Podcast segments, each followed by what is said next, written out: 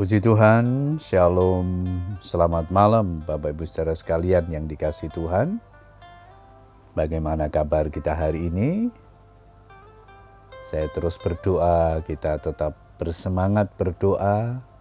Jangan kendorkan semangat kita berdoa dalam menjalani hari-hari di masa pandemi ini. Karena kita tahu kekuatan kita dalam menjalani hidup hanya di dalam doa, di dalam penyerahan diri kita kepada Tuhan.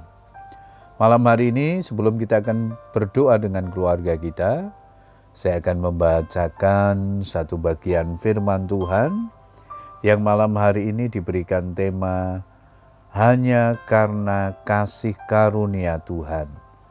Hanya karena kasih karunia Tuhan.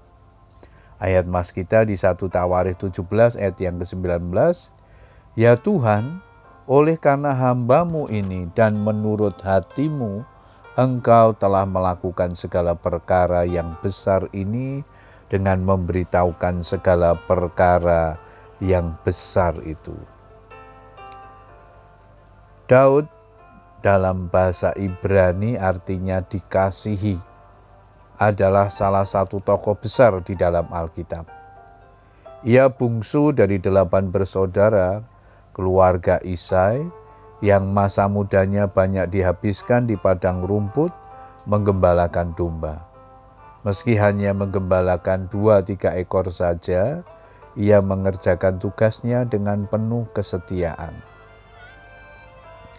Kesetiaan mengerjakan perkara-perkara kecil inilah yang akhirnya membuka pintu kesempatan bagi Daud untuk dipercaya mengerjakan perkara-perkara besar oleh Tuhan. Karena kesetiaan Daud, Tuhan mengangkat hidupnya secara luar biasa yang membuatnya terheran-heran. Siapakah aku ini ya Tuhan? Dan siapakah keluargaku? Sehingga engkau membawa aku sampai sedemikian ini. Oleh karena itu, kita tidak boleh meremehkan atau merendahkan hidup seseorang.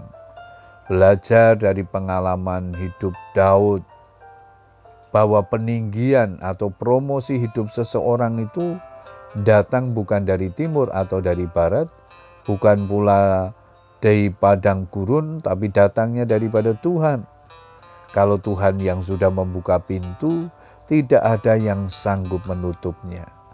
Betapa besar kasih karunia Tuhan yang dianugerahkan kepada Daud. Oleh karena itu, Daud tidak pernah berhenti untuk mengucap syukur. Mazmur 77 ayat yang ke-13 di sana dikatakan, Aku hendak menyebut-nyebut segala pekerjaanmu dan merenungkan perbuatan-perbuatanmu.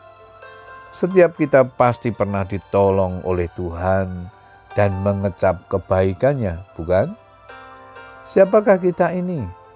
Kita adalah debu yang tiada berarti. Orang-orang berdosa yang seharusnya dimurkai dan dihukum. Tetapi Tuhan rela mengorbankan nyawanya supaya kita diselamatkan. Roma 3 ayat yang ke-24, dan oleh kasih karunia telah dibenarkan dengan cuma-cuma karena penebusan di dalam Kristus. Bapak Ibu Saudara sekalian yang dikasih Tuhan, kalau kita ada sampai hari ini, semua hanya kasih karunia Tuhan semata. Oleh karena itu janganlah lupakan segala kebaikannya yang sudah kita alami, yang sudah kita rasakan, baik dalam kehidupan pribadi kita, keluarga kita, pekerjaan kita, dan pelayanan kita. Selamat berdoa dengan keluarga kita. Tetap sehat dan tetap semangat. Tuhan Yesus memberkati kita semua. Amin.